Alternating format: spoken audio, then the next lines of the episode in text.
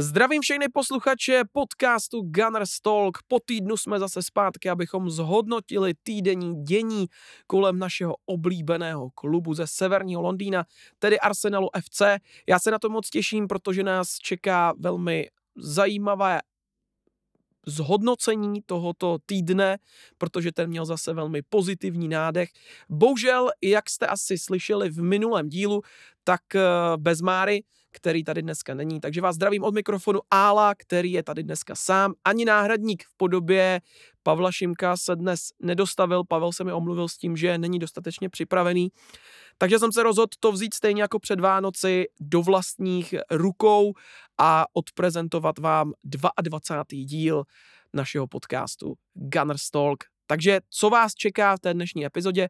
No, jak jinak než zhodnocení zápasu z Burnley. Velice se na to těším, protože ten zápas měl opět eh, skvělou atmosféru, co se týče ze strany Arsenalu a hlavně skvělý výkon našich uh, svěřenců, našich uh, idolů, vzorů, možná pro některé našich prostě oblíbenců a hlavně našeho klubu Arsenalu. Ale co je důležité, podíváme se také na nějaké menší přestupové spekulace. Ono jich teď bohužel úplně tolik není. No a schrneme si nějaké menší novinky ohledně Arsenalu. Na závěr klasicky Spotify anketa vyhodnocení té minulé a také zároveň eh, odhalení na nový týden ankety a na závěr reakce na Q&A, tedy opět dva až tři komentáře, které jsem si vybral. Tentokrát vás tam hodnotilo minulý díl poměrně dost, jsme za to rádi. Eh, dneska teda pouze já, ale věřím tomu, že Marek na dálku pozdravuje a děkuje, protože stále s námi eh, velmi dobře reagujete a my reagujeme na vás a tak to má být. Takže pojďme na to, ať to zbytečně neprodlužujeme a Jdeme na začátek zápasu z Burnley. Já jsem měl možnost ho komentovat na live sportu, takže jsem to měl z první ruky. Vlastně do toho zápasu jsme šli s tím, že jsme neudělali ani jednu změnu. Na lavičce přibyl Smith Rowe, ale nebyli tam mladíci třeba Royal Walters ani Ethan and Vanery, kteří měli asi nejspíš povinnosti s dorostenickými týmy, případně U21. A tak na lavičce se objevili mladíci Mauro Bandeira a James Lennon Sweet. Dost hlavně to druhé jméno eh, pro nás neznámé. Možná ti, kteří z vás eh, sledují Arsenal o něco podrobněji, koukají třeba na oficiální stránky klubu, tak zjistí, že tam tohleto jméno je. Eh, James Lennon Sweet tedy se objevil, mám pocit, vůbec poprvé na lavičce Arsenalu asi se nedalo čekat, že by se dostal na hrací plochu, ale trochu jsem si říkal, že pokud by se zápas vyvíjel jako proti West Hamu, tak by třeba mohl dostat šanci Mauro Bandeira. Na druhou stranu na lavičce přibyl Smith Rowe, který už není na listině zraněných, takže bylo to takové 50 na 50, ale spíš ty šance byly menší než větší. Uh, připomenu, že na Turf Moor jsme neprohráli posledních 10 ligových zápasů, což je poměrně dost a vlastně jsou to veškeré ligové zápasy, které jsme odehráli proti tomuhle celku. My jsme tam totiž prohráli pouze jedinkrát v poháru. Uh, ano, tehdy to bylo 2-0. Byl to jeden z těch prvních střetů, ne vůbec prvních, uh, když se na to podíváme optikou Eh, až takovéhle dlouhodobé historie, tak eh, zjistíme, eh, že to byl vlastně druhý vzájemný střed, bylo to v League Cupu, tedy v EFL Cupu v roce 2008, tehdy porážka 2-0. Co je ale mnohem důležitější, tak je ta neporazitelnost, i když v polovině případů šlo spíše o remízy, takže očekával jsem tuhý boj, na druhou stranu Barnley vždycky byl tým, který se prezentoval defenzivní hrou, jenže po odchodu Shona Dajše, který na to byl takzvaný specialista, tak se dost věcí v tomhle klubu změnilo. Převzal ho Vincent Company, my jsme o tom tady už hovořili na podzim, Žák Pepa Guardioli. A vlastně ten souboj eh, na Turf Moor opět byl souboj dvou žáků, Pepa Guardioli, tedy Michela Artety a Vincenta Companyho. Ten bohužel ale nemohl být přítomný přímo u hřiště na lavičce a tak jeho roli převzala legendička v jeho realizačním týmu Craig Bellamy, kterého můžete znát z Newcastle nebo například uh, z Liverpoolu, samozřejmě reprezentant Walesu. Company nebyl k dispozici, protože měl stopku, takže celé utkání sledoval uh, z tribun uh, Turf Moor, takže to měl jak eh, na dlani a samozřejmě posílal uh, v průběhu utkání uh, pokyny svému asistentovi Craigu Bellamimu. Burnley je rozhodně tým, který Company dokázal přetransformovat k obrazu svému a ve druhé lize podával v minulé sezóně skvělé výkony, odvážné, aktivní, ale tak trochu eh, zůstal eh, při stejném metru i v nejvyšší soutěži, tedy v Premier League.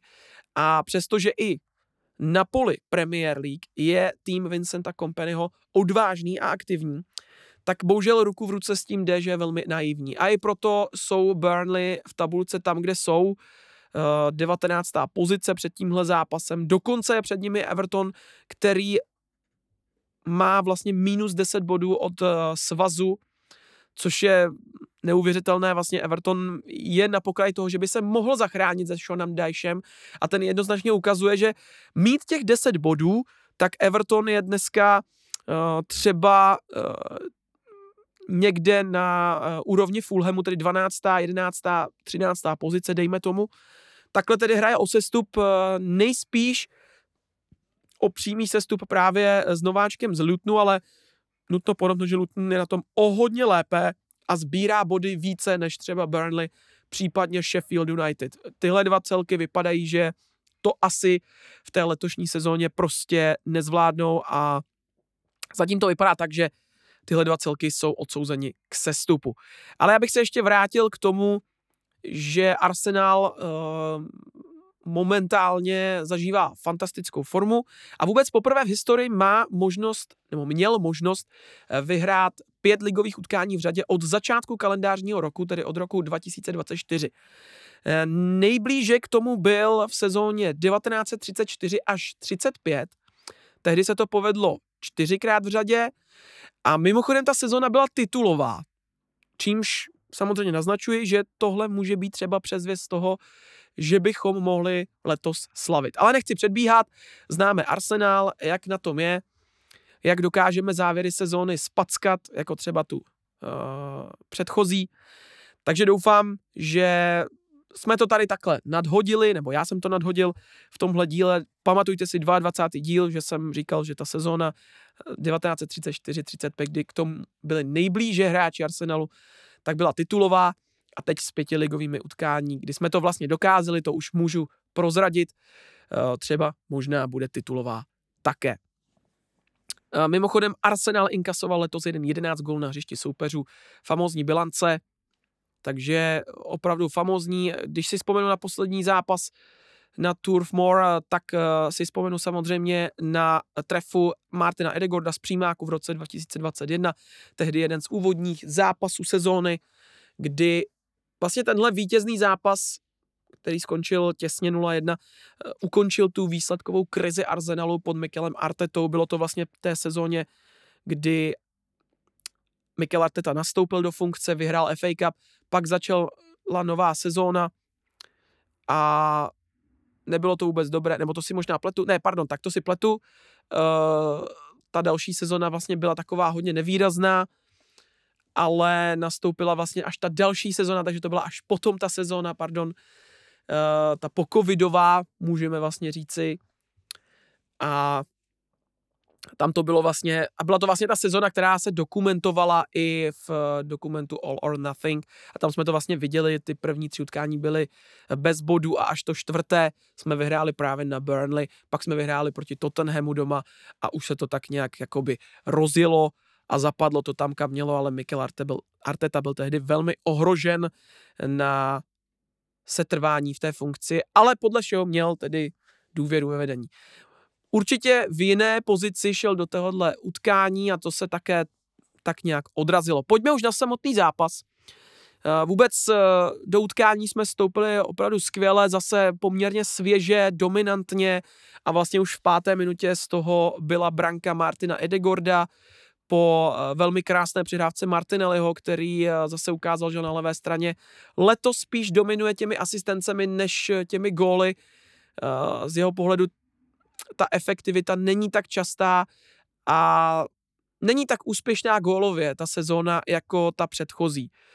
Eh, Martin Edegord po dlouhé době zase dal branku, zaslouženou krásně, dostal balon na hranici vápna, zpracoval si ho jedním dotekem, ta střela vlastně, nebo takhle, balon mu skákal, přesto dokázal krásnou uh, pumelicí, ten balon krásně letěl k tyči, nechytatelná, tvrdá rána, uh, 0-1, uh, velmi dobrý vstup do utkání, který jsme potřebovali, Burnley opět přišlo mi hodně naivní, v bránění nechali Martinu Edegordovi strašně moc času na hranici vápna, ten to prostě využil. Tak jak jsme už o to trochu zvyklí v letošní sezóně, že Arsenalu se daří využívat jakékoliv chyby svých soupeřů, no a následně trestat, což byl příklad právě Martina Edegorda. Takže velmi dobrý vstup, Pokračovalo to velkou dominancí na míči, Barney vlastně měli v úvodu zápasu jedinou šanci, a tu měl uh, Wilson Odobert z úhlu, ale Raja uh, skvěle lapil, vyrazil vlastně do strany, takže v podstatě to byla jediná šance za celý první poločas. Burnley hráli opravdu hodně naivně. Dost často jsme je překonávali vysokými balony za obranu nebo kolmými přihrávkami. Bylo tam toho dost. Ne všechno se povedlo, ale ta naivita eh, v bránění domácích byla teda až do nebe volající obrana byla hodně vystoupená, eh, taky tam byl podle mého názoru hodně neskušený francouz Estef, který vůbec nezachytával balony a jeden takový eh, třeba prošel až na Lea Trossarda, eh,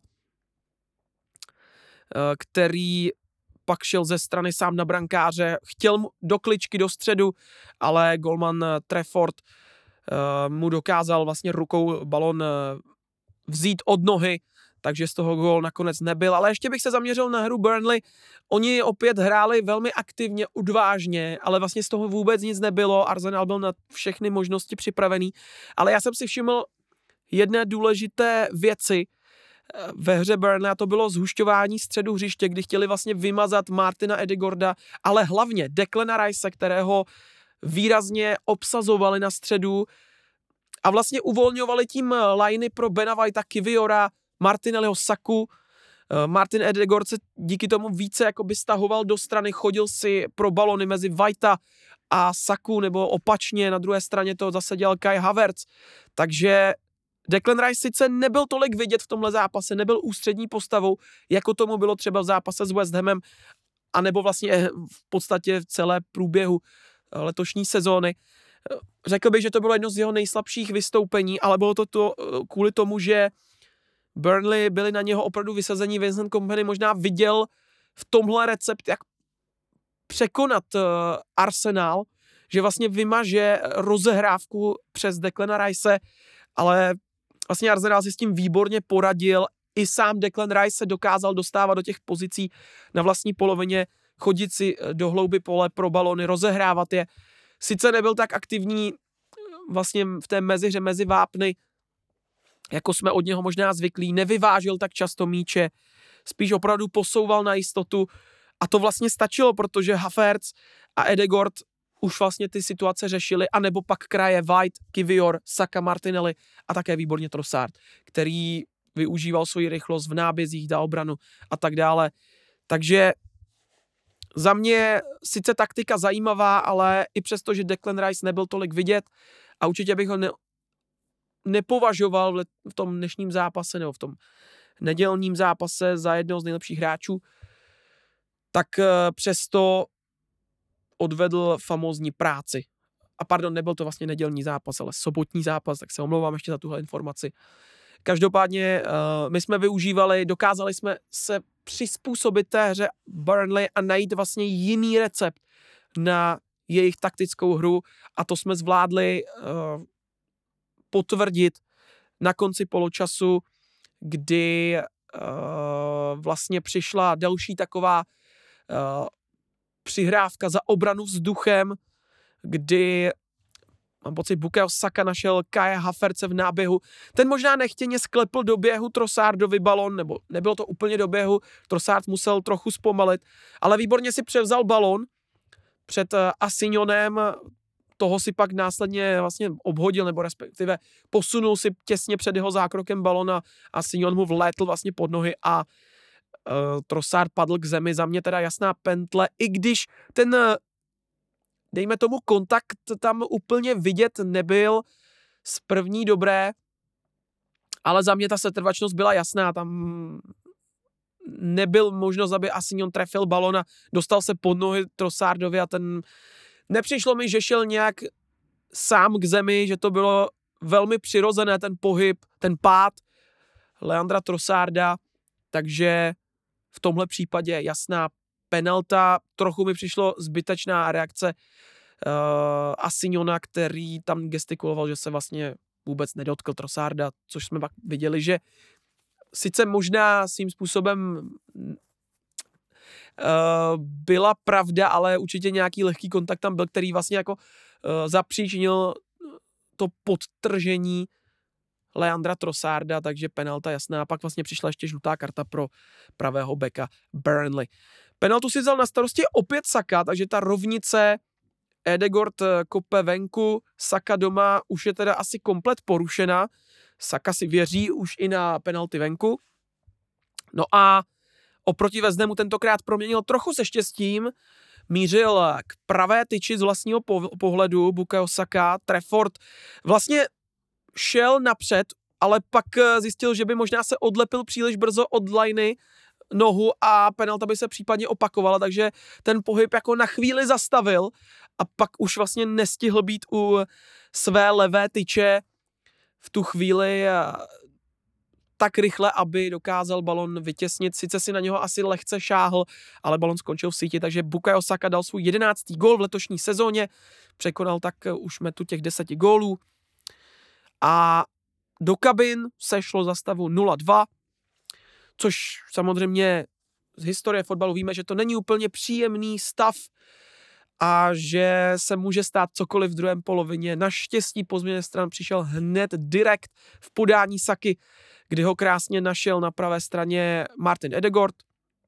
Krásná průnikovka Saka. Mohl klidně střílet z první, ale Vlastně to vyřešil fantasticky, on si zpracoval, rychlou kličkou si balon přehodil na pravačku, no a přestože je to jeho slabší noha, tak nádherně prudkou ranou na přední tyč poslal balon eh, pod břevno nechytatelně pro mm, Trefforda. Tam nebyla vlastně možnost, eh, asistenci si připsal Martin Edegor, který tedy teďka v posledních zápasech sbírá jednu asistenci za druhou. Saka, druhý zápas v řadě dvougólový, opět se prosadil také z penalty, takže Bukayo Saka se dostal během dvou zápasů na 12 gólů z 8 a už mu zbývají na čelo uh, tabulky střelců pouze 4 branky. A na čele je samozřejmě Erling Holland. Následovala opět uh, klasická dominance, opravdu Burnley toho měl velmi pomálu, uh, víceméně pokud tam byl nějaký náznak, tak většinou vždy byl v offsideu, Eh, Datro Fofana, který zde hostuje z londýnské Chelsea.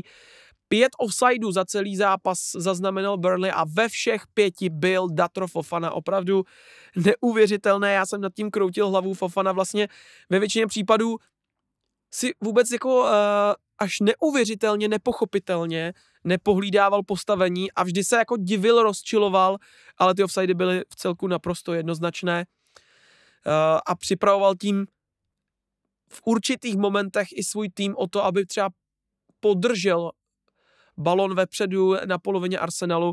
Arsenal díky tomu získával naprosto jednoduše balon na kopačky. A tím se pak jako samozřejmě vytvářely další šance a přišly tři momenty Lea Trossarda. Já se omlouvám, já si přímo úplně nevybavuju, i přesto jsem to komentoval a ten zápas viděl, tak si nepamatuju, jak přesně vznikla ta první šance, ale Trossard tam měl nějakou jako pološanci, kdy uh, zakončil špatně. Uh, to byla vlastně ta první možnost. Pak uh, asi o pár minut na to Martinelli posílal centr do vápna, a pardon, nebyl centr, dostával uh, balon na střed hřiště, Martinelli se vlastně řítil na bránu středem, ale ještě hledal na hranici vápna právě Trossarda, ten chtěl z první v podstatě obstřelovat na zadní tyčku a ten obstřel se mu nedařil i díky tomu, že byl výrazně tísněn. No, každopádně Trosárci počkal na tu svoji momentku, když uh, pak přišlo uvolnění na levé straně Jakuba Kiviora, který se vlastně dostal až na hranici vápna ze strany, poslal centr v podstatě mezi všechny svoje hráče, balon propadl až na zadní teď, kde byl Kai Havertz, kterému ale při zpracování balon utekl. A on ho vlastně špičkou nohy ještě chtěl zakončovat, ale trefil bránícího hráče, od kterého se míč odrazil přímo krásně na levačku Leondra Trosarda, no a ten kolem obránce zakončoval na zadní tyč a bylo vymalováno uh, eh, 0-4 v tu chvíli. Trosard se prosadil také po druhé za sebou, takže taky výborně mu to svědčí na hrotu. Musím říct, že Leandro Trossard je ve velké pohodě a že momentálně ani nepocitujeme, že bychom potřebovali návrat Gabriela Jezuse, ale samozřejmě ta lavička, ten pohled na lavičku je při nejmenším alarmující, takže je potřeba, aby se hráči dali na ten závěr sezóny co nejrychleji dokupy. Každopádně 0-4 Trossard, v prvním momentě tam byla připsaná asistence Hafercovi, ale samozřejmě byl tam odraz bránícího hráče, takže Haferc asistenci uh, nedostal. Po tomhle gólu následně přišlo hned střídání Artety, celkem brzo chtěl dát šanci opět hráčům, kteří nedostávají tolik času uh, na hrací ploše. Na hřiště přišel Nelson, Cedric Soares, Edin Ketia, kteří nahradili Saku, Trossarda a Vajta. Eh, po pár minutách měl hned vlastně eh, na hrací ploše šanci Eddie Ketiach, eh, kterého hledal ve vápně Martinelli, ale hlavičku bohužel nedokázal nasměrovat na bránu, mířil vedle. No pak jsme hned zase udařili z autu. V poslední době docela zajímavé situace se nám daří proměňovat právě po situacích z autu, ale tentokrát to bylo zajímavé v tom, že ten aut jsme házeli z vlastní poloviny. Naprosto jednoduchá akce, kdy vlastně Kivior, ono to celé vlastně začalo tak, že Raja dostal balon, rychle rozehrál na Kaje Haferce, ten přihrával do liney, tam jsme uh, vybojovali aut, který si rychle vzal Jakub Kivior, napřed to vypadalo, že rozehrajeme rychle, Kivior se zasekl, Vypadalo to, že ne. Burnley se tak nějak uh, seřadili na polovině hřiš, hřiště a najednou Kivior si všiml, že Kai Havertz je třeba metr, možná dva za linií Burnley, hodil dlouhý out přes celou vlastně linii, přehodil ty hráče a Havertz najednou šel ze strany uh, proti jedinému hráči, kterému nasadil jesličky velmi sebevědomě si počíta, počínal Kai Havertz v té situaci. No a pak uh, pouze s ledově klidným výrazem zakončil uh, podél brankáře Treforda a bylo to 0-5, takže Kai Havertz jenom jako korunoval ten svůj výkon, který byl opravdu velmi dobrý, protože on uh, vyhrál spoustu hlavičkových soubojů ve středu pole, vybojoval spoustu balonů, které následně mohl třeba Martin Edegord rozehrát. Musím říct, že jeho hra byla jedna z možná z nejlepších výkonů v letošní sezóně a ten gol si zasloužil tentokrát, takže jen tak dál, uh, Kai Haverci, jen tak dál, doufám, že nám budeš dělat radost, ono se to ukáže asi hned ve středu, Eh, když nás čeká eh, venkovní zápas v Portugalsku eh, v přístavu Portu, takže se na to velmi těším. Každopádně teda 0-5, poté šel na hřiště Jorginho, který nahradil Declana Rice. Myslím, že to bylo čekané, aby hráči dostali volno, protože přece jenom ten program teď bude trošku náročnější i vzhledem k tomu, že a k tomu se dostanu ještě v závěru, že budeme hrát vlastně ve středu a hned na to v sobotu což je opravdu na chlup dva, uh, tři dny pauza. Přesně tak. Takže uh, myslím, že to ušetření Saky, Trosárda, Vajta, Rajse, případně Haferce uh, dávalo smysl. Vystřídali jsme čtyřikrát, hra se pak trochu tak nějak uh, roztrhala, už jsme nebyli takový úderní jako do té doby. Bylo to takové pozvolnější, noví hráči se nedokázali dostat do těch situací, jako třeba ti, kteří začínali od základu. Nakonec ještě v závěru eh, střídal Haferc, kterého nahradil Smithrow po zranění výronu Kotníku. Doufejme, že Smithrow už eh, žádné zranění do konce sezóny neprodělá. Přál bych mu to, protože hned jak nastoupil, tak měl určitý vliv na zápas, udělal standardku v závěru, kdy mohl eh, Martin Edegord hrozit z přímého kopu a on také hrozil, akorát uh, Trefford byl připravený, trochu předvídal pokus Martina Edegorda, takže svým způsobem norský kapitán Arsenalu nezopakoval to, co tady zopakoval naposledy, kdy Arsenal tady vyhrál tě, pří, eh, těsně 0-1. Uh, Fofana pak měl ještě v závěru nějakou menší šanci, vím, že se tam utrhl od liney a šel z úhlu, ale Gabriel jeho střelu zblokoval na roh a to vlastně bylo opravdu všechno. Z podání jako Burnley ten výkon byl dost nemastný a myslím, že Burnley jenom uh, v podstatě dopomohli svým výkonem k tomu, že to skončilo 0-5. Bylo to hodně bezkrevné, dopředu vlastně vůbec nic, naivní dozadu, eh, velmi špatný zápas z pohledu domácích. Od nás samozřejmě velká paráda, druhý zápas po sobě kanonáda a tentokrát teda man of the match Martin Edegord, asi zaslouženě 1 plus 1, otevřel skóre, následně dal asi přihrávku na jeden z klíčových gólů ve druhém poločase, ten hned po změně stran eh, Bukayo Saki, kdy jsme asi veškeré taktické změny, plány do druhého poločasu od uh, Craiga Bellamyho samozřejmě s Vincentem Kompenem uh, naprosto roztrhali a myslím, že to celkově morálku Burnley hodně zasáhlo a už pak těžko s tím mohli něco domácí dělat. Takže za mě brilantní výkon, je to až neuvěřitelné, jak v posledních zápasech uh, hrajeme, jen tak dál. Dali jsme za posledních pět zápasů krásných 21 gólů a pouze dva obdrželi. Z toho jeden byl eh, vlastně vlastní, ten si dal Gabriel v zápase s Liverpoolem a pak jeden velmi hloupý, který nám tady střelil uh, Avony na Nottinghamu. Jinak musím říct, že famozní práce týmu eh, vlastně po tom, co se vrátil z toho soustředění v Dubaji, je to úplně jiný arsenál a já doufám, doufám a přeju si, aby tenhle náš prime, který teď zažíváme, posledních pět zápasů, možná až na výjimku s tím Nottinghamem, což bylo takové trošku slabší utkání na některé momenty, tak vlastně z těch čtyř zápasů, které byly fantastické, hlavně ten třeba s Liverpoolem a pak teďka ty poslední dva, tak doufám, že to prostě přeneseme do toho závěru sezóny, že teď máme ten prime takový, že máme schopnost na to vyhrát tu Premier League, anebo třeba Ligu mistrů. Nejlépe obojí, samozřejmě. Já jsem se na to ptal už i Marka, po zápase s Burnley jsme spolu měli, vedli jsme spolu rozhovor na Messengeru a on mi říkal, že spíš to vidí na tu Premier League, než na tu ligu mistrů, ale že si myslí, že třeba v lize mistrů bychom mohli dojít daleko semifinále, třeba finále. Jo, takže, takže tak. Já jsem mu říkal zase, že si myslím, že pro nás může být lepší právě ta Liga mistrů v něčem, ale že můžeme jako opravdu překvapit, jsme tam po dlouhé době, ty týmy nás tolik neznají, to je důležité, a ne každý tým má momentálně takovou formu, jako máme my. Můžeme tam označit asi Liverpool, ale ten momentálně letos v Lize mistrů není.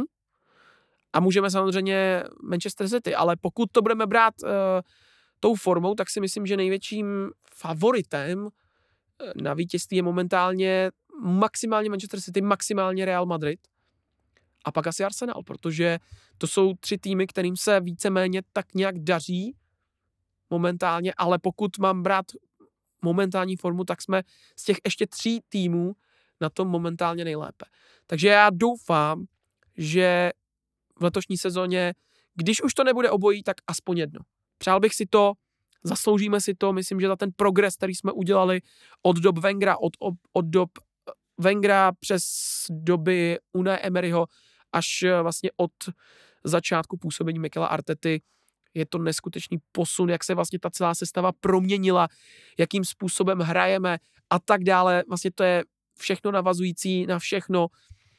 Takže já si myslím, že nejsme vlastně v pohárech FA Cupu, ligovém poháru, máme spoustu jako prostoru na to asi odpočinout. Nejsme v tolika soutěžích a je evidentní, že jsme se zaměřili na to, na tyhle dvě soutěže, že tohle bude cíl letošní sezóny. Urvat jedno či druhé, nejlépe obojí. Jinak dobrá zpráva samozřejmě je, Citizens remizovali ve svém zápase, eh, který odehráli proti Chelsea a je to velmi dobrá vzpruha pro nás, protože Citizens mají ještě zápas k dobru, který se hrají v úterý eh, doma s Brentfordem. Eh, Brentford o víkendu zase hrál proti Liverpoolu, dostal poměrně rychtu 1-4 doma, takže moc nepředpokládám, že by ten zápas k dobru, který mají Citizens, ztratili. Tím pádem by měli Citizens eh, po úterku jít před námi eh, v tabulce o jeden bod. Oni momentálně jsou na tom tak, že ztrácí dva body na nás a my ztrácíme dva body na Liverpool za téhle konstelace. Pokud vyhrají proti Brentfordu, budou mít 56 bodů, takže to bude ten rozdíl mezi těmi top třemi týmy Arsenal, Manchester City, Liverpool Eh, jeden bod, to znamená my na Manchester City budeme ztrácet jeden, City na Liverpool jeden, takže celkově my budeme ztrácet na čelo dva body. Liverpool vypadá, že sice prohrál s námi, ale že nehodlá zastavovat ve své dobré formě, takže to není úplně dobrá zpráva, ale dobrá zpráva samozřejmě aspoň je, že uh, prohrál tým Pepa Guardioli. To si myslím, že je hodně důležité, že se to zase o něco vyrovnalo, protože takhle, kdyby teďka vlastně vyhráli, tak by šli v tabulce před nás, navíc, eh, nebo měli by stejně bodů, takhle, pardon, a ještě by vyhráli ten zápas k dobru, takže nejspíš by šli na první místo. Takhle to zatím první místo nebude. Uh, to by mělo tak nějak být všechno z toho zápasu s Burnley. Já vím, že dneska je to takové uh, suché, když jsem tady sám, přece jenom Mára tady chybí, naposledy, když jsem to dělal sám, tak uh, jsem byl takový ráznější, dneska mám trošku jinou náladu, možná to bylo kvůli tomu minule, že jsem byl trošku naštvaný, se přiznám, že jsem to nechtěl dělat sám, Chtěl jsem, aby tady Mára byla, ale Mára nemohl a prostě už nebylo kdy, takže jsme to museli, museli jsme Gunners Talk zachránit takzvaně. Tak jsem se o to postaral. Dneska bych samozřejmě mohl udělat volno, ale my jsme se rozhodli s Márou, že prostě tohle dělat nebudem, že pokud jeden z nás nebude moci, respektive když nebude moci Mára, protože já většinou můžu, tak eh, prostě buď seženeme hosta, anebo to tady pro vás eh, zhodnotím sám a myslím, že je to lepší, než kdyby ten v podstatě díl nevyšel. Máte prostě aspoň nějaký content od nás a my vám ho chceme předna- uh, přinášet, stejně jako jsme se rozhodli, že ještě určitě do konce sezóny začneme přinášet uh, content i do těch uh, reprezentačních pauz, případně do těch pauz, kdy Arsenal nehraje, že opravdu ten content bude tady pro vás každý týden a to si myslím, že vás hodně potěší, si myslím. Už mi z vás někteří psali, že by tohle chtěli a já jsem pro, jenom jsme nad tím jako přemýšleli, co, jak a proč a myslím, že už máme takovou nějakou představu o tom, jak to bude vypadat. OK, uh, pojďme od zápasu z Burnley, máme za sebou něco málo přes půl hodinku, dneska ten díl bude prostě kratší a přesuneme se na transferové pole.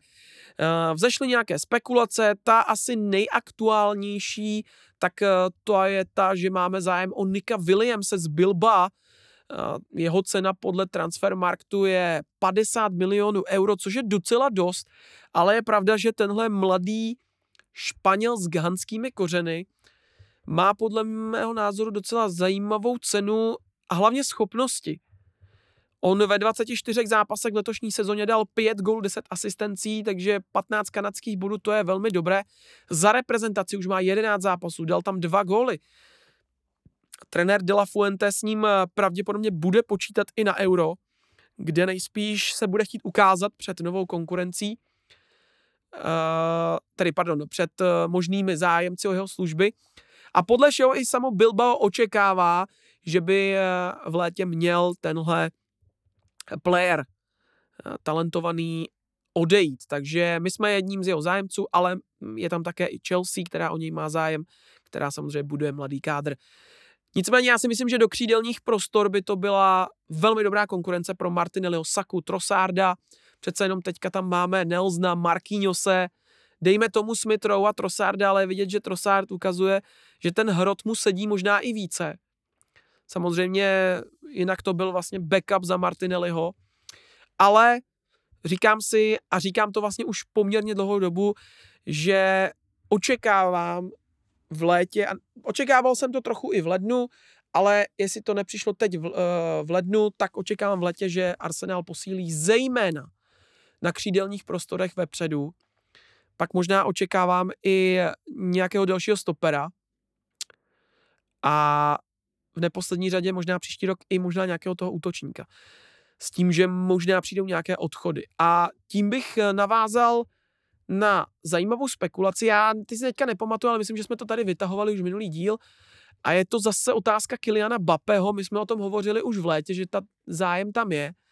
Jenže Kilianu Bapemu oficiálně končí smlouva po této sezóně. Takže on by byl opravdu k mání za free, takzvaně.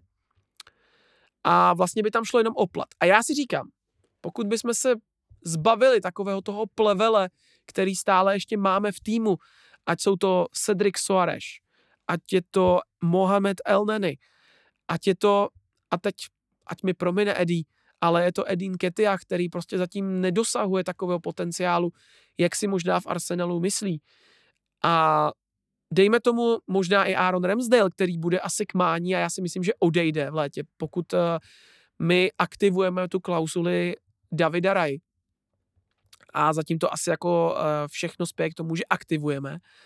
Tak uh, vzniká otázka, jestli opravdu Arona Ramsdale spíš neprodat, protože si myslím, že je tady velká šance, že bychom ho prodali za víc, než přišel, protože on svoji kvalitu v Premier League ukázal, takže ty peníze bychom jako získali uh, z nějakého toho jeho přestupu, i když je mi to líto, tak musím říct, že ta možnost získat Kiliana Bapeho je asi silnější, je to lákavější. Je to lákavější, než si udržet Arona Ramsdale jako dvojku, no.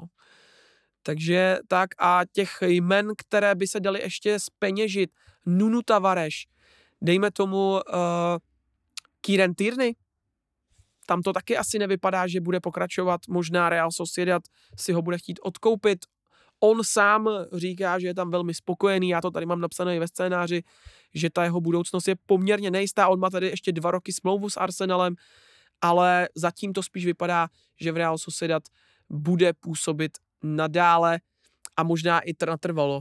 Takhle bych to viděl, ale samozřejmě to se všechno uvidí na konci sezóny. Momentálně Kieran Tierney je zase zraněný a no, jestli bude ještě několikrát takhle zraněný, tak si myslím, že asi Real Sociedad si ho nevezme, protože to je taky další takový ten skleněný hráč, který vám prostě neodehraje třeba 80-90% zápasů za sezónu. Uh, očekávám, že pravděpodobně možná po sezóně skončí kariéru Jorginho, kdež se zase uh, uvolní ten jeho plat, takže tam je vlastně možnost z hostování by ho asi měl nejspíš nahradit Sambi Lokonga, který předvádí v Lutnu zatím famózní výkony a v Arsenalu jsou s jeho pokrokem, progresem v tomhle hostování velmi spokojeni. Tam panuje velká spokojenost a nejspíš to vypadá na návrat Sambiho s tím, že by měl nahradit Žoržíňa. Takže já si myslím, že kdybychom opravdu vytrhali tenhle eh, plevel z našeho klubu, a teď je to možná špatně řečeno, ale nemyslím to tak, ale ty prostě hráče, kteří se třeba i neujali a tak dále, nebo jsou tam spíš jako na okrasu, tak uh, ty peníze bychom na Kiliana Bapeho měli, si myslím. A dává mi to smysl. Dává mi to smysl, protože Kylian Mbappé může být jako konkurencí pro Gabriel Jesuse, tak i pro Saku s Martinelem. Zároveň bych si uměl představit, že Martinelli, Saka a Bape na hrotu, takže jo, za mě to dává smysl a jako těším se, sice všechno nasvědčuje tomu, i vlastně Mikel Arteta o tom hovořil na tiskové konferenci, že pokud tady k mání je taková příležitost, poprat se o Kiliana Bapého, tak uh, samozřejmě jsou ve střehu a mají chuť ho získat. Na druhou stranu pak potvrdil, že pravděpodobně ta dohoda už je jasná z Realem Madrid, takže těžko říct. Pak se ale vynořily spekulace ještě v tom týdnu, že vlastně Kylian Mbappé by chtěl následovat cestu Thierryho Henryho, že je to jeho velký vzor a tak dále a že spíš upřednostňuje právě Arsenal i vzhledem k tomu, jak teď Arsenal hraje a jakým klubem je, jak se eh, prezentuje na hřišti a tak dále. Jo, navíc eh, ještě problém v médiích, eh, nějaké spekulace kamarádství Saliby, Mbappého, že se vlastně znají z akademie, ve které byli společně. Takže otázka, no, jestli Saliba trochu nenahlodal třeba při reprezentačních srazech uh, svědomí Kiliana Bapeho. No, pro nás samozřejmě jenom dobře, kdyby se tak stalo. Já si myslím, že to by byla ohromná posila. Kilian Bape by byl na úrovni posily Erlinga Holanda. Případně, i když ono se to zatím tolik neprojevuje, ale byla by to prostě taková ta ikona na úrovni Mohameda Salaha, Erlinga Holanda, Kevina De Bruyne, tak přesně Kylian Mbappé by byl to samé. Uh, neumím si to ani představit, ale budu snít až do konce letošní sezóny a doufám, že to třeba vyjde a Real Madrid uhne například z těch finančních podmínek, ale je pravda, že Kylian Mbappé by se hodil Reálu. O tom žádná. Místo Karima Benzemy tam na tom hrotu teď prostě bohužel momentálně je pouze vlastně Joselu a to byl hráč, který byl přiváděn asi jenom eh, s tím, že v podstatě nahradí na nějakou si část sezóny uh, místo útočníka, ale že do budoucna určitě chtějí zabojovat o Kiliana Bapeho. Takže to je ohledně hm, přestupního termínu. Vlastně víc uh, jsem ani nedohledal, zatím toho opravdu moc není, ono se to zase rozjede, až uh, se bude blížit konec sezóny. Takže pojďme na Gunners News, které tady pro vás mám jako každý týden. Asi nejzajímavější je milník, kterého zase Saka dosáhl, protože on v prvních 210 zápasech, které odehrál, dosáhl více gólů a asistencí než Cristiano Ronaldo. To je docela slušný. Dává to možná trochu signál toho, že Saka by mohl být jeden z těch eh, hráčů, kteří by mohli zaujmout místo po Lionelu Messimu a Cristiano Ronaldovi. Mohl by se zařadit mezi ty nové hráče Erling Hollanda, Kyliana Bappeo, Juda Bellinghama.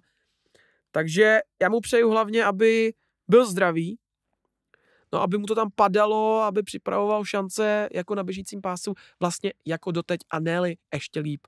Každopádně Bukayo Saka klobouček dolů za to, co v jeho věku stále předvádí. No a v návaznosti na to Rio Ferdinand se vyjádřil, že Saka pro něj ještě není špičkový hráč, ten vlastně jako top světové kvality, ale on to pak vlastně dovysvětlil, že aby ho vlastně lidi nechápali zle, a ono to dává smysl, že v podstatě Saka je zatím dobrý na poli Premier League, ale ještě to stále nedokázal na poli ligy mistrů. A to je vlastně to, co mu chybí k tomu, aby ukázal, že je naprosto světová úroveň, špičkový hráč.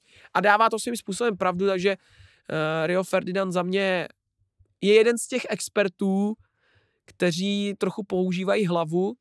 Není to typ Gary Neville, Jamie Carragher občas, ale opravdu Rio Ferdinand je vidět, že tomu fotbalu trochu rozumí a dává to opravdu hlavu a patu. Takže za mě, já s tím asi souhlasím.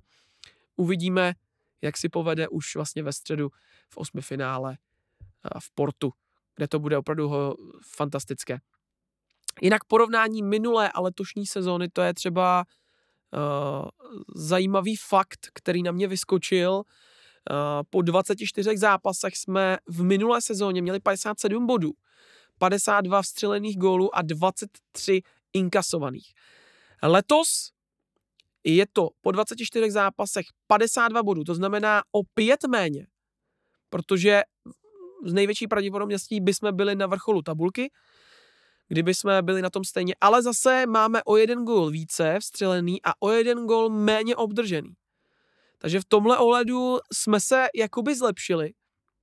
A řekl bych, že nebýt těch eh, dvou špatných zápasů mezi svátkami, tak eh, ta bilance je vlastně o dost lepší, protože když si k tomu přičtete 6 bodů, kdyby jsme zvládli zápas s Vezdem i s Fulhamem, tak to máte 58 bodů a byli bychom na to uh,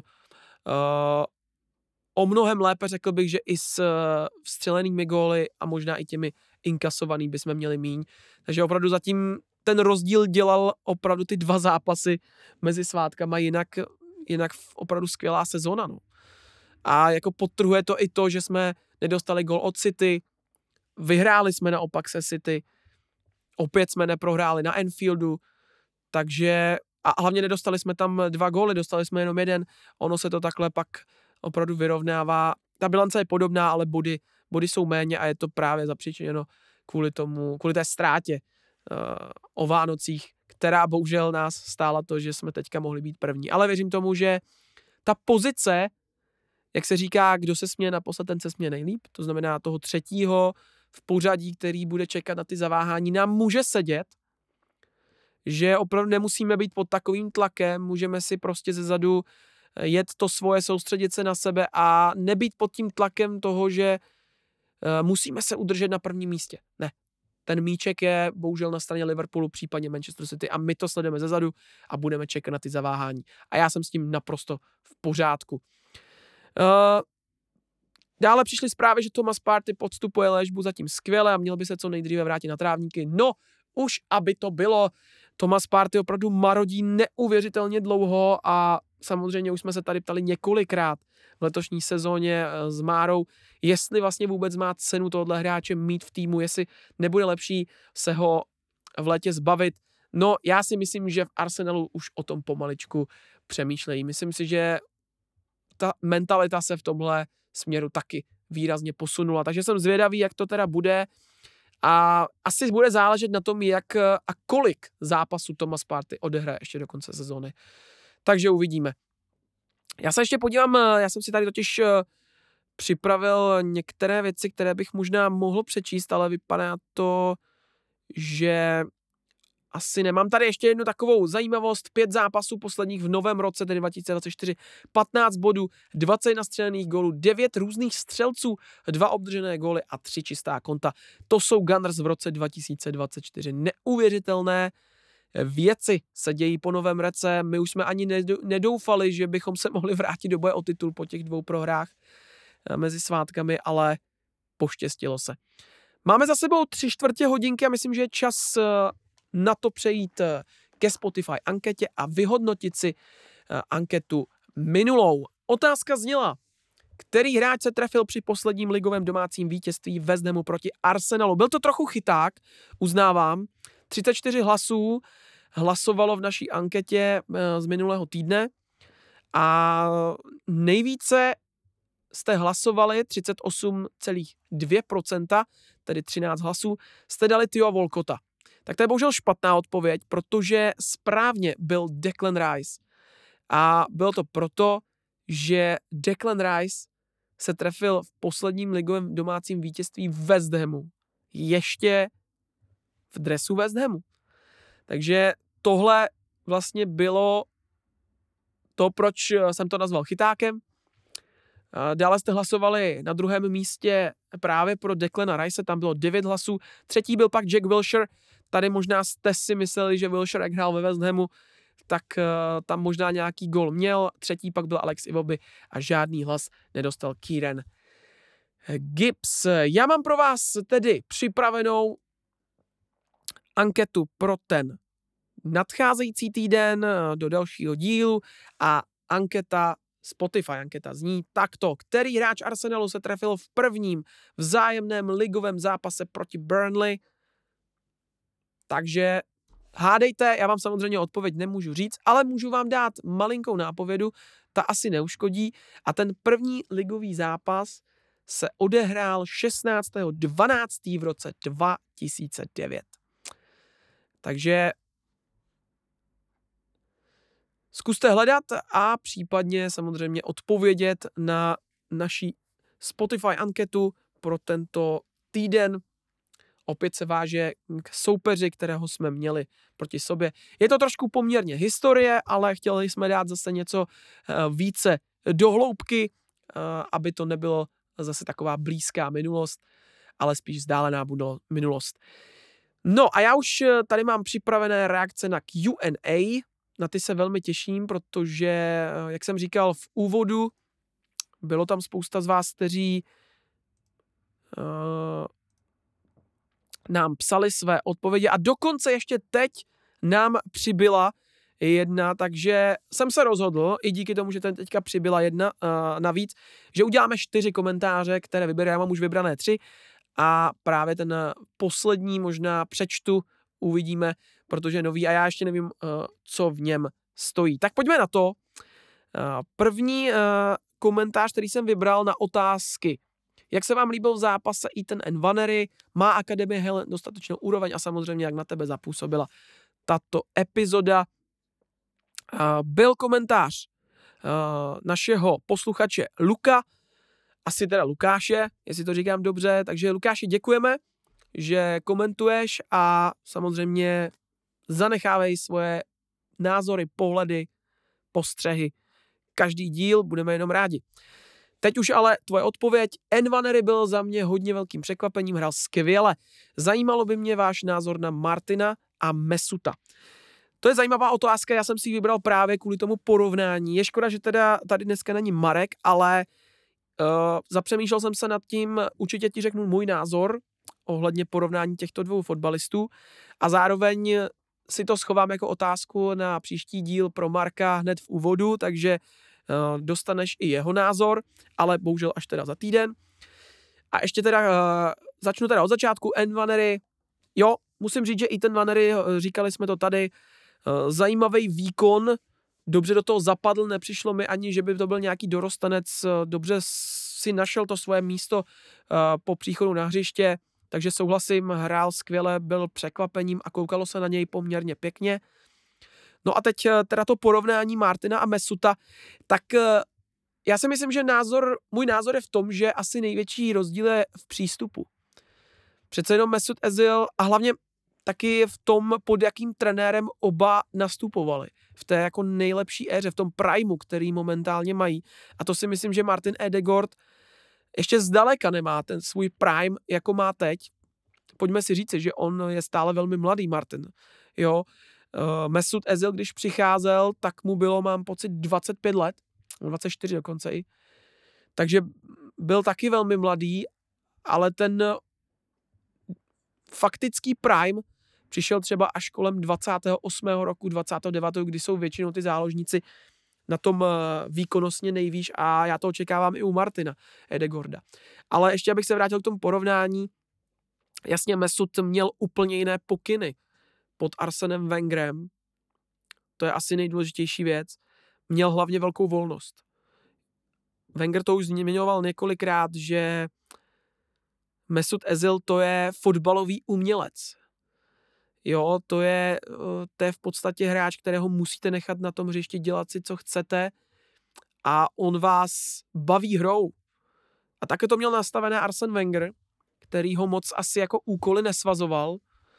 Zkrátka dával mu volnost, Mesut tak eh, toho tolik neoběhal, respektive v mých očích a možná i ve většině očích fanoušků to bylo tak, pardon, že v podstatě si myslím, že Mesut měl dobré zápasy a ty horší, kdy se mu úplně běhat nechtělo, chtěl si počkat v těch prostorech, bojovat se mu taky úplně nechtělo, pak měl ale zápasy, kdy bojoval, kdy oběhal velké množství eh, prostoru, ale bylo vidět, že není svázaný pokyny. To je asi důležitá věc v podání Mesuta Ezila, že zkrátka Wenger praktikoval, praktikoval ten starý styl fotbalu, kdy fotbal byl ještě o nějakém překvapení, nějakém umu, umění, nepředvídatelnosti. Dneska je fotbal hodně svázaný takticky, až řekl bych občas se hraje až příliš roboticky, řekl bych, a chybí tam taková to, taková, uh, takové to umění těch fotbalistů že možná i eh, jsou více protěžování hráči, kteří dokáží více plnit ty příkazy, ty taktické pokyny, než ti umělci fotbaloví, jako byl třeba Mesut Ezil. A v tom si myslím, že vidím největší rozdíl mezi Martinem a Mesutem, protože když jsme pak viděli, když přišel Michael Arteta, tak jsme všichni čekali, že Mesut pro něj bude prostě to number one eh, desítka, s kterou se bude pracovat, která nakopne nový tým Arsenalu. No a viděli jsme, že to tak prostě není. Mesut zřejmě odmítl eh, Mikela Artetu tak nějak respektovat. A asi to hrálo velkou roli, že Mesut zkrátka nechtěl plnit nějaké příkazy uh, a tak dále a zkrátka Mikel Arteta se nebál ho odstavit. řekl si prostě OK, tak eh, když to takhle nejde, tak prostě hrát nebudeš. Tak to prostě je, já potřebuju tady tým, ale samozřejmě my to zákulisí nevíme, o něco pikantnější je to samozřejmě s Pierrem Emerikem Obameyangem, ale u toho Mesuta Ezila tam jsme se vlastně ještě nikdy nedopídili, jak to vlastně celé bylo. Já si možná myslím, že jednoho dnes se toho dočkáme, ale jako tam se to jako ukázalo, no, že Mikel Arteta to je, to je člověk, který vidí fotbal trochu jinak než Arsen Wenger. Samozřejmě měl jeho školu, ale je tam prostě to ale. A Martin přišel z Realu Madrid, stejně jako Mesut, že jo? A přizpůsobil se. Prostě dal do toho všeho, ale přišel úplně v jiné roli. Mesut byl, řekněme, hvězdou týmu Realu, nebo klíčovým, eh, klíčovou postavou, ale určité přestupy v létě zamíchali se stavou a Mesut cítil, že by asi nehrál, tak se ho Real zbavil a Mesut vlastně v jedné sezóně klíčový hráč, v druhé sezóně najednou přestup hned v létě, během pár měsíců se jeho role vlastně úplně změnila a odešel do Arsenalu, kde se stal klíčovou postavou a stavil se na něm tým společně s Alexisem Sanchezem pak posledně, který přišel až uh, o pár roků později. Ale jak říkám, Martin, to je úplně jiná pohádka. Ten přicházel do Arsenalu s tím, že v Reálu si nedostal čuchnout pořádně, ale byl označován za velkého talenta a až v Arsenalu prokázal, že ten talent v něm dřímá a vymačkal ho z něho Mar- Mikel Arteta. A proč? Protože Mikel Eh, ho donutil plnit eh, jeho taktické příkazy a on se v tom systému našel a využil jeho přednosti k tomu, aby ho zdokonalil. Takže za mě Martin Edegord je taky fotbalovým artistem nebo ar- umělcem, ale svým způsobem my v tuhle chvíli, leč bych to neře- neřekl ještě před pár roky, když jsme měli Mesuta v týmu a já jsem Mesuta měl hodně rád, protože mě jeho hra opravdu fascinovala. Měl jsem je, tuhle hru naprosto za zásadní v naší hře, tak Martin dokázal jeho místo převzít opravdu famózně, řekl bych, že až s určitou nadstavbou. I tím, jaký je lídr, jaký je to dříč, hecíř, umí hráče povzbudit, umí makat, jde příkladem, dodržuje pokyny, ale zároveň dokáže z těch pozic výjít a vymyslet něco překvapujícího. Je to, je to famózní. Takže za mě Martin Mesut, dávám zobáček o něco více k Martinovi, to znamená, že pro mě Martin je momentálně asi víc. A věřím, že ještě bude, pokud teda nepřijde nějaké zranění, které by ho zbrzdilo a tak dále. Prostě Mesut je pan umělec, fotbalista, ale pokyny a jakoby uh, je pro něj zásadní ta volnost, která pak má dopad na to, že ty výkony někdy prostě nejsou tak dobré. Ale Martin, ten si prostě jede svoje a je to fakt bowler, je to úžasné, no. Jako je to těžký srovnávat, je pravda, že každý, oni jsou hodně podobní fotbalisté, to je potřeba si říci, ale zároveň jsou opravdu rozdílní. Takže takže tak, takže tak, ale o něco víc asi momentálně cením Martina a je to asi uh, hodně tam přispívá k tomu to, že on je fakt opravdu kapitán, lídr a jde příkladem a maká, to prostě u Mesuta bychom asi viděli těžko. A pak jsme to viděli i třeba v Basak Šehiru, Fenerbahče. Asi to úplně lídr a borec, který jde příkladem není. Takže v tomhle si myslím, že Martin je za mě o něco lepší. Pojďme ale dál, protože jsem se na tohle téma hodně rozkecal. Eh, další eh, zajímavým eh, postřem tady máme od Vítka. Samozřejmě Vítku děkujeme, komentuj i další díly, které výjdou v budoucnu, třeba i tenhle. Envanery na 16 let super, ale s třízlivýma očima nám nepřinesl nic navíc. Měl by dostat pravidelnou minutáž jako Jamal v Barceloně.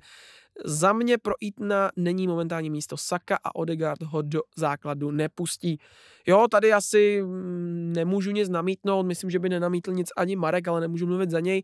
Každopádně Ethan Vanery super, asi nic víc nepřinesl, že nějaké oživení to nebylo, ale to se asi dalo čekat.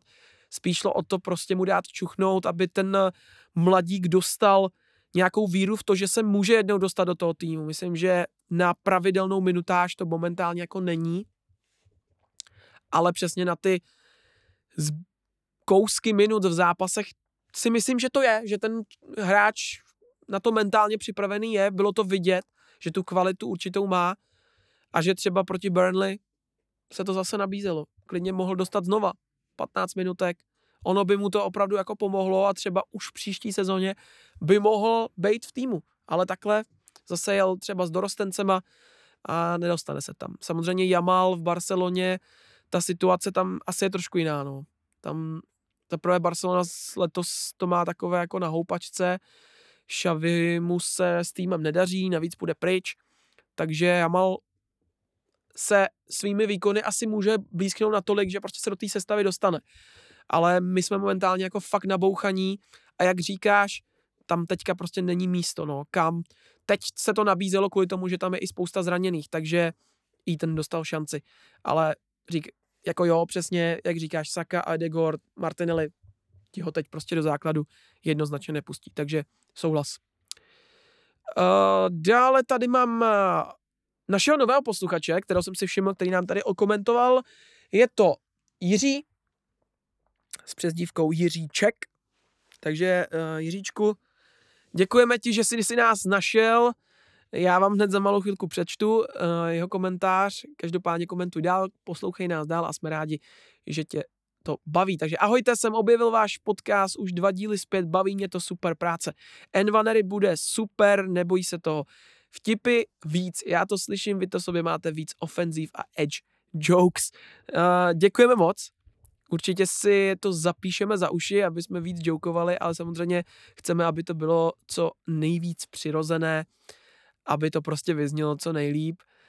A jo, poslední dobou jsme se docela rozjeli, nechci se tady chvástat, ale eh, těma zkušenostma začínáme trošku už si víc s tím hrát a už se nebojíme některých věcí a zkrátka to tady pálíme jedno za druhým. Takže děkujeme a doufám, že u podcastu zůstaneš, protože jsme rádi za každého nového člověka. Je vás tady poměrně dost, já my jsme za to rádi a doufáme, že ta skupina fanoušků se víc a víc rozroste a my pro vás třeba budeme moci konečně v budoucnu udělat nějaký ten další content navíc, kromě těchto rozborů každý týden. Takže jo, děkujeme a samozřejmě s Envanerem souhlasím, bylo to super. No a poslední, který tady máme, tedy čtvrtý komentář, který jsem si vybral, tak je, uh, který mi jsem přistál před malou chvílí od Lukáše. Takže děkujeme Lukáši. Cituji Lukáše. Epizoda opět super, Akademie si myslím, že je dlouhodobě spíš na ústupu ze slávy. Třeba Ajax se drží v podstatě dekády nahoře s Barcelonou. Naopak CFC eh, nebo City, Chelsea FC a nebo Citizens nás v poslední době dostali pod sebe. Jo, s tím se dá asi souhlasit. Je pravda, že uh, z londýnské akademie v Chelsea vystupují dost zajímaví talenti, to samý u City, že jo, Lewis, Rico Lewis, uh, teď vlastně Oscar Bob a další. Uh, u Chelsea je to zase třeba, když vzpomeneme Masona Mounta, i když ten už je teďka v Manchester United, anebo například uh, Risa Jamesa, že jo, ale třeba Tammy Abraham a tak dále. Takže jako určitě v tímhle s tebou souhlasím. No a co se týče Ajaxu a Barcelony, tak tam je to už úplně jiné. No. Tam, tam je ta kvalita opravdu velká. A upřímně to, co tady říkal Marek v minulém díle, tak se nedivím, že, že prostě Arsenal do toho chce investovat, protože zkrátka není to úplně to, co by jsme si asi představovali. Rádi bychom, kdyby se mladí dostávali častěji eh, do prvního týmu, ale zatím se to prostě zkrátka nedaří a naposledy se to právě podařilo uh, Sakovi, že jo, a Smithrovi, případně Edimu, ten už je trošku starší člen Hell Endu, ale i v minulosti to nebylo úplně zvykem, aby ta naše akademie fungovala, i když uh, Arsene Wenger dokázal vždy každý rok zapracovat nějakého mladíka do prvního týmu. Takže Jo, souhlasím s tímhle. Určitě Ajax, Barcelona dál. Já si možná myslím, že i Sparta. Je i Spartanská akademie o něco dál, protože a teď eh, nemyslím to nějak zlé vůči jiným týmům, ale když se podíváte na úspěšnost hráčů, kteří se dostanou do prvního týmu a podle toho se to vlastně posuzuje. I když samozřejmě Sparta to má o něco jednodušší tím, že nehraje takovou soutěž, jako je Premier League, nehraje ligu mistrů a tak dále. Tak eh, je spousta takových týmů který to můžou mít a nemají. A Spartě se to daří, ale naopak je nejlepší třeba v Česku. Jo, je to jeden z největších klubů v Česku, hraje pravidelně poháry a přesto dokáže ty mladé talenty z Čech zapracovávat uh, do prvního týmu a vlastně každým rokem tam přibyde další a další. Teď momentálně třeba jeden z největších talentů samozřejmě Martin Vitík, že jo, takže tady to opravdu vidíte. Adam Karabec, který hraje teď uh, třeba o víkendu hrál Patrik Vidra, takže to jsou všechno odchovanci Sparty, kteří se pohybují v prvním týmu, takže jen tak dál. A samozřejmě si přeju, aby se investovali do Arsenalu a my jsme v budoucnu měli víc eh, nadějných tváří v prvním týmu z naší akademie, protože ti mají tu DNA Arsenalu, stejně jako Saka, Smithrow, Eddie a tak dále. Takže tak. OK, eh, to byly tedy Q&A. Děkujeme všem, děkuji Zamáru, kteří neustále nám píší komentáře k našim dílům na Spotify, je to strašně dobře. My jsme rádi, že jste s námi v kontaktu, že reagujete na naše otázky, protože ta uh, v podstatě reakce mezi náma je strašně důležitá a já doufám, že to bude ještě lepší. My se samozřejmě zase trošku snažíme rozhýbat po novém roce. Uh, rozhýbali jsme teď zase trošku podcast a vidím, že opět máte spoustu uh, pohledů, postřehů uh, v komentářích Q&A na Spotify k Arsenalu, což je jenom dobře nepřestávejte, rádi bychom víc byli aktivnější na tom Twitteru, tam je to trošku těžší, máme toho spoustu, ale budeme se snažit být lepší. No a co je důležité, tak je samozřejmě s jakým týmem budeme hrát v následujícím týdnu. Nás budou čekat dva zápasy, takže příští díl určitě bude zase upodídanější. samozřejmě už s Márou. No a my se můžeme těšit ve středu 21.2. od 9 hodin na zápas proti Portu venku. Sledovat můžete na Nova Sport 4 a pokud nemáte k dispozici Nova Sport 4, tak určitě bude na Live Sportu audio komentář. Kdo ho bude komentovat, vám nepovím, možná třeba já, ale možná taky ne. Takže uvidíme. Každopádně, kdybyste neměli možnost sledovat na televizi, byli třeba v autě, na cestách, znáte to, tak audio komentář na Live Sportu velmi doporučuji. Je to ideální alternativa. No a následovat bude klání v Premier League v sobotu 24.2. od 9 hodin večer doma proti Newcastle, opět klasika, Kanál Plus Sport, O2 TV a samozřejmě, jak už jsem říkal, Live Sport audio komentář. Zajímavé je, že vlastně hrajeme v sobotu, i když hrajeme ve středu Ligu mistrů a možná proto byl náš zápas posunut až na 21. hodinu, aby se dodržel ten třídenní rozestup. Ale já si říkám, to se to nemohlo dát na neděli nebo na pondělí. Za mě jako docela zvláštní, že eh, nám zkrátka Premier League nevíde stříc a je to docela zajímavé. Zrovna když nás čeká takové to vlastně dvojzápas velmi těžký Porto, Newcastle, zajímavé. Myslím, že eh, by vůbec neuškodilo, kdyby Arsenal eh, hrál s Newcastlem v neděli anebo případně v pondělí. Jo, takže nechápu to. Každopádně pak nás čeká vlastně uh, zápas až to další pondělí, tím pádem podcast bude o jeden den spožděn. Ano, my budeme nahrávat až v úterý a, a, a, a podcast by měl být ve středu, ale to se netýká příštího týdne, protože ten 22. pardon, 23. 23. díl, já už jsem do toho zamotený, už jsem trošku unavený, přece jenom už jsem tady hodinku povídám, Eh, tak ten vyjde normálně 27.2. v 8 hodin. Takže jako jste zvyklí uh, každý týden. No a ještě bych ne, nechtěl zapomenout na predikci k zápasům, takže jak to asi dopadne v Lize mistrů proti Portu? No, já jsem na to hodně zvědavý, ale věřím, že venku vyhrajeme rozdílem 1-2 a pak si to asi pohlídáme doma, no ale eh, jako venku to nebude nic eh, lehkého. Porto nevyspytatelné za mě. Už jsme se o tom přesvědčili v minulém roce, kdy jsme hráli Evropskou ligu, že jo, proti Sportingu. Nakonec jsme to vlastně ztratili doma.